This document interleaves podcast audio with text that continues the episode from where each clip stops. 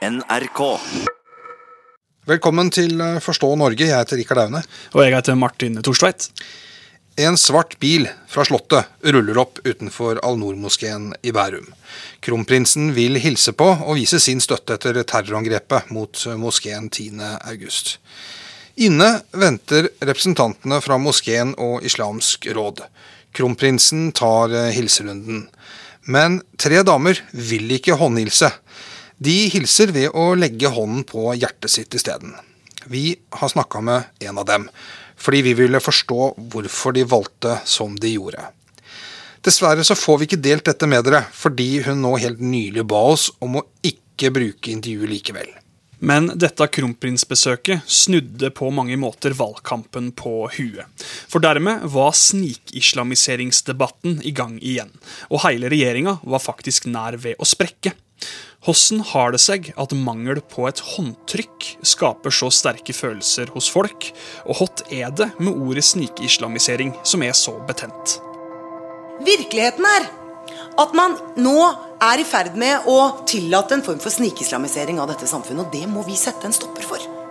Selve begrepet snikislamisering det har en helt klar og påvisbar eh, opprinnelse i en type ytre høyre-retorikk. Vi har eh, en bølge av islamisme, islamisering, jihadisme rundt om i verden. Og det påvirker oss også. Ja, nettopp. og, og, å nekte dette, det blir bare dumt.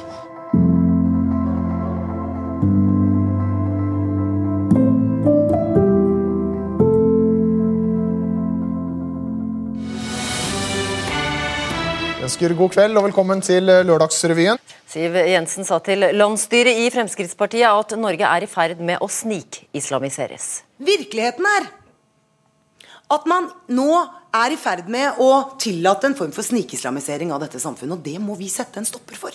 Hvis Fremskrittspartiet får lov til å fornye Norge, så er det norsk lov, norske regler og norsk styresett som skal ligge i grunn for alt vi gjør, og vi kommer ikke til å tillate særkrav fra noen enkeltgrupperinger i dette samfunnet.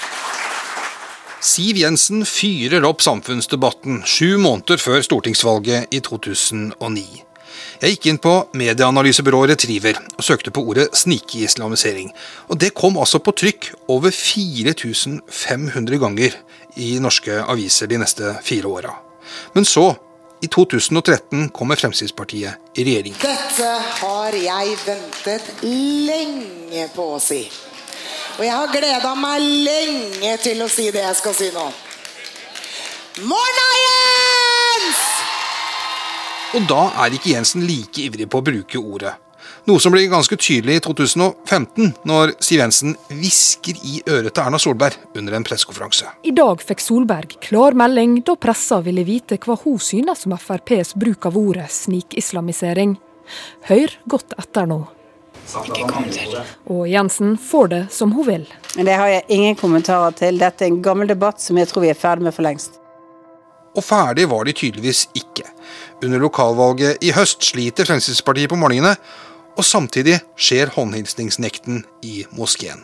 Da skriver Siv Jensen en kronikk i VG, der hun bl.a. går til angrep på dem som nekta å håndhilse.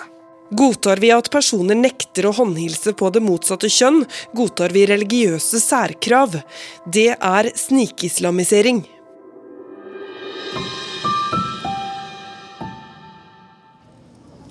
Vet du hva, jeg tenkte vi kan sjekke en kaffe der som er veldig sånn eh, rolig.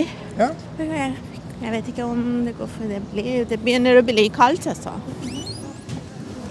Her er det veldig fint, er det ikke det? Ja, det er veldig fint. Eh, sitter, det, det tror jeg går bra. Vi Går det greit? Setter oss i hjørnet der borte? Ja, ja. Kaffe latte? Ja takk. Vær så god. Takk skal du ha. Kom. Og kaffe, vær så god. Takk. Kan vi ikke starte litt med å fortelle hvem du er? Ja, eh, jeg heter Mina Boy. Jeg, er, eh, jeg kommer fra Iran. Jeg er flyktning. Jeg, har politisk, eh, jeg er politisk flyktning. Har vært i Norge om 25 år. 25 år, ja. Altså 25-26 år. Um, Ja, jeg har um, studert i Iran.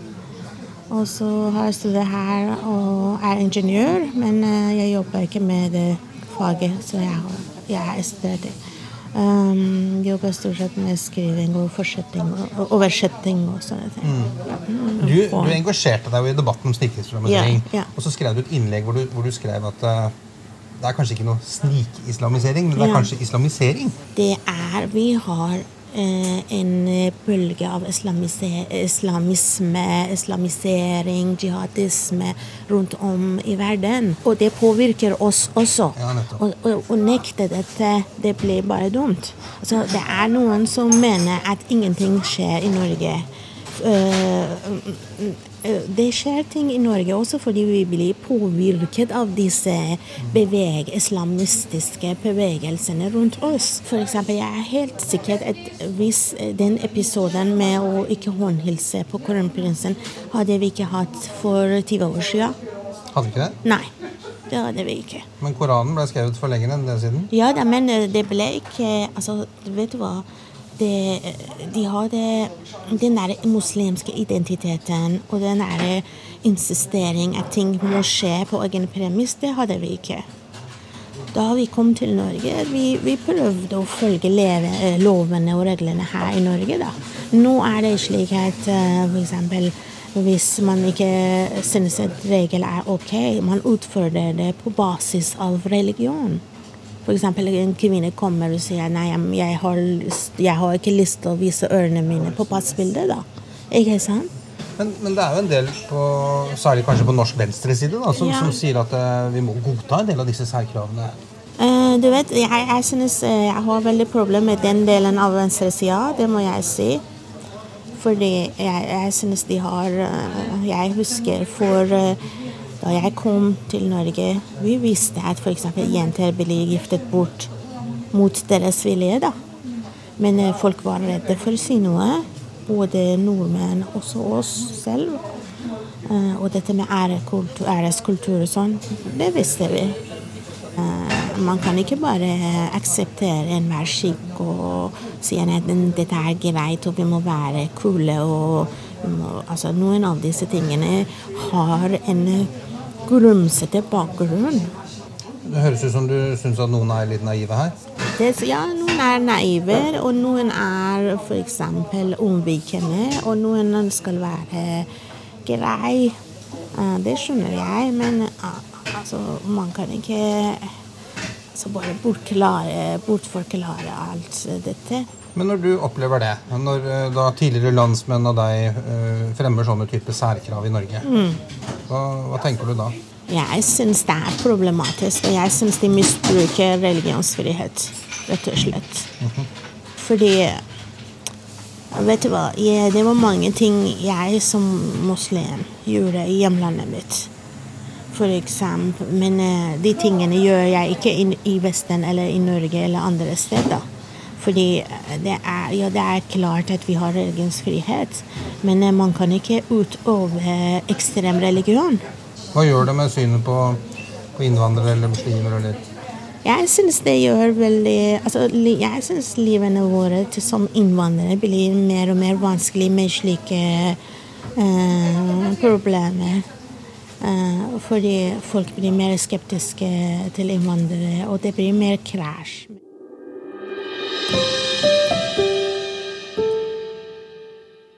Ordet snikislamisering har prega norsk politikk i ti år. Berit Aalborg, du er politisk redaktør i Vårt Land.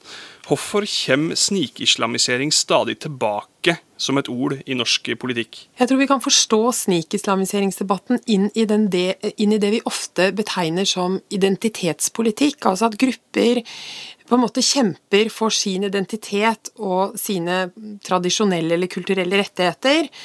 Eh, og Derfor så blir det en veldig sånn eh, oppheta debatt, for, for, for, det er flere grupper som, som føler at de eh, ikke blir sett og ikke blir hørt, og, og på en måte blir liksom sett ned på i samfunnet. Men hva er det som gjør at det er så betent? Altså, her er det jo grupper som på mange måter eh, står mot hverandre. ikke sant? Det er noen som opplever da at eh, det, liksom det tradisjonelle norske ikke er godt nok ivaretatt. Og så har vi eh, nye grupper som har kommet til landet som opplever at det ikke vises respekt for deres måte å tenke på. Og det er da det er liksom de to følelsene som blir stående sterkt mot hverandre. Og vi ser i mange land at det skaper veldig eh, sterke følelser, både politisk og menneskelig. Eh, et eksempel på det er jo Trump. Han har jo brukt veldig sånne identitetspolitiske markører, kan du si, og vunnet veldig mye gjennom på det. Hva er det som kjennetegner de to frontene i, i denne debatten? På den ene sida så er det eh, en gruppering som er veldig opptatt av at eh, når det gjelder akkurat dette begrepet snikislamisering, at, at eh, Norge på en måte er under Altså norsk identitet er under angrep, og at vi må passe på å markere og vise at det må bli ivaretatt. Og på den andre sida så har du en gruppe som er mer opptatt av eh, realpolitikken i det, eh, som mener at Norge er ikke på noen måte under angrep, vi er alltid i bevegelse og endring, eh, og vi må ha respekt for på en måte andre type identiteter, som da f.eks. kommer fra, fra, fra, land hvor det er mye muslimer. Så, så, så det er, dette er to litt sånn forskjellige verdenssyn på en måte. Hvorfor bruker politikerne i Norge så mye energi og tid da, på denne debatten? Det handler jo om at det skaper veldig sterke følelser i befolkninga, eh, og det har det som vi kaller en veldig stor politisk mobiliseringskraft.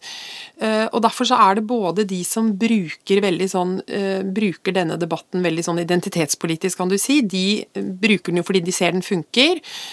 Og så er det også en del av de, eh, de, andre partiene som er veldig opptatt av at eh, vi må se på det reelle, det reelle liksom, politiske innholdet. Og da, da, blir det jo veldig viktig for begge sider, altså både de som bruker identitetspolitikk og de som ikke gjør det, å drive denne debatten for å på en måte mm, hva skal vi si, vinne, en, vinne liksom ordskiftet, kan du si. da. Denne debatten var jo oppe senest i høst. Uh og nære på var det at vi hadde på en måte ei krise i regjeringa som følge av, den debatten? Regjeringspartiene i dag, sånn som Venstre og Fremskrittspartiet, ser veldig ulikt på denne identitetspolitikken og det at man skal snakke om snikislamisering.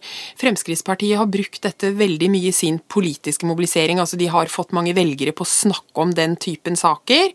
Mens Venstre, som, som er et mer liberalt parti, de, de, vil, de mener at det er, det er å spille på følelser. Så derfor så var det en veldig veldig sånn to forskjellige politiske kulturer som klasja sammen eh, i denne debatten. Og det, det, gjør nok veldig vondt for Venstre når Fremskrittspartiet bruker denne identitetspolitikken og snakker om snikislamisering, også fordi Venstre mener det er helt feil. Og det skaper også veldig sterke følelser i de tradisjonelle partiene når Frp, som er et, har populistiske trekk, begynner å bruke denne identitetspolitikken så sterkt. Så det, det er eh, Det, det, det blei veldig vanskelig for, for begge partier, egentlig.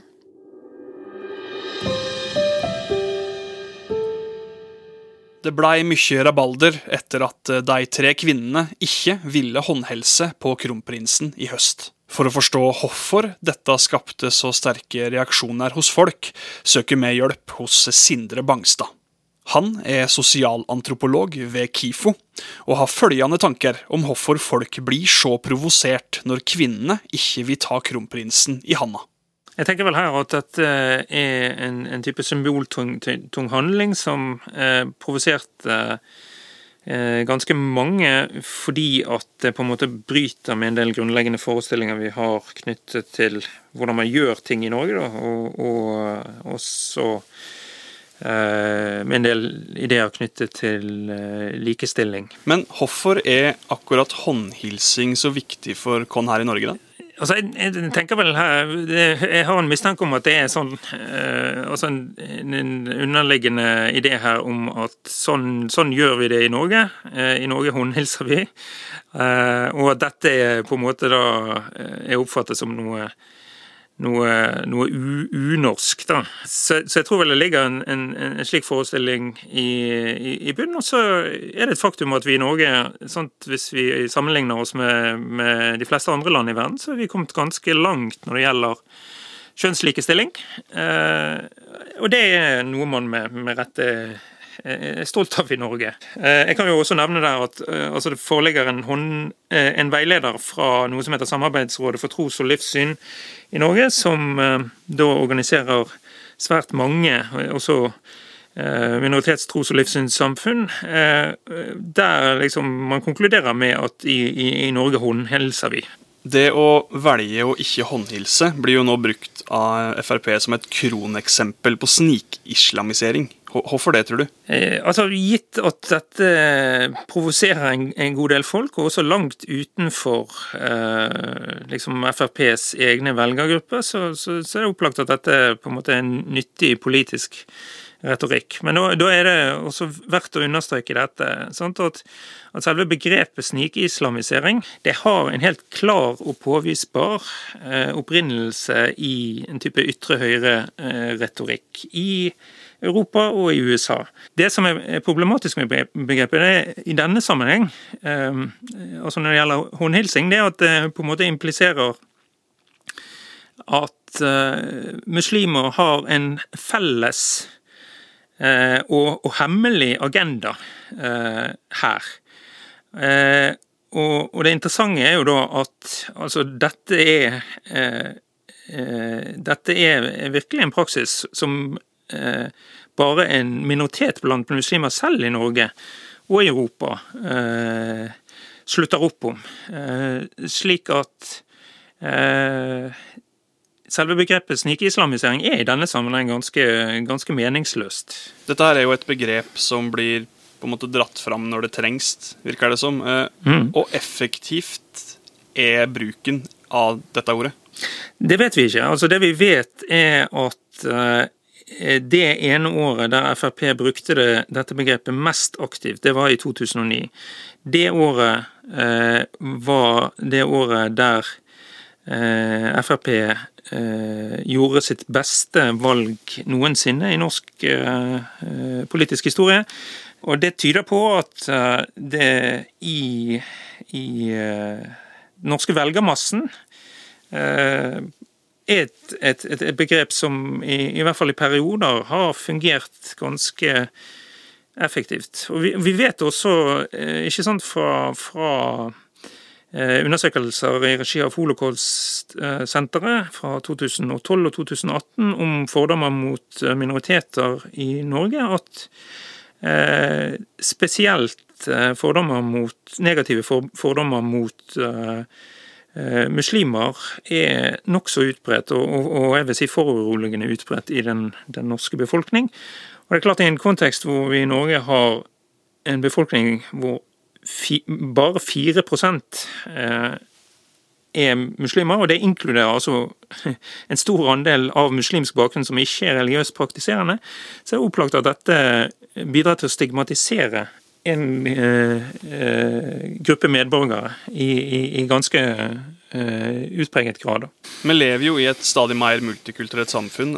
Fins det noe grep en kan gjøre for å på en måte skape litt mer forståelse blant alle partene jeg, jeg tror jo, altså, og, og, og, det er ikke en sånn bombesikker uh,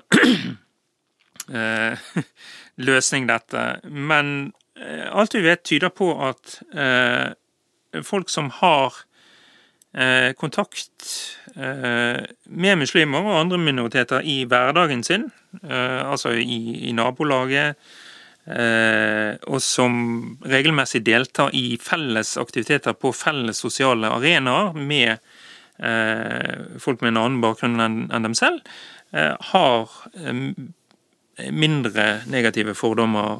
Så, her tror jeg det er en, en, en type viktig Eh, oppgave, også, og ikke minst i, i, ulike samfunnsinstitusjoner. Altså at man bidrar til å skape disse felles møteplassene. Det vil aldri være slik at vi på en måte blir alt enige om, eh, om alt, eh, men, men, at vi, vi, vi, møtes på en mest mulig åpen måte på tvers av ulike ståsteder, ulike tro, livssyn, ulik etnisk bakgrunn osv. Eh, det tror jeg er fundamentalt viktig.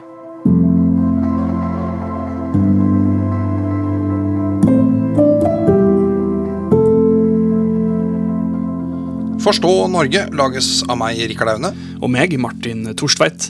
Vi kommer ut med en ny podkast hver onsdag. Du finner den i NRK Radio og alle andre plasser er det naturlig å lytte til podkast. Så kan vi eh, anbefale en annen NRK-podkast, Krig og fred. Og denne uka så er tema Berlinmuren og Berlinmurens fall. Det er nå 30 år siden. Hvordan gikk det egentlig med tyskerne i øst og vest etterpå?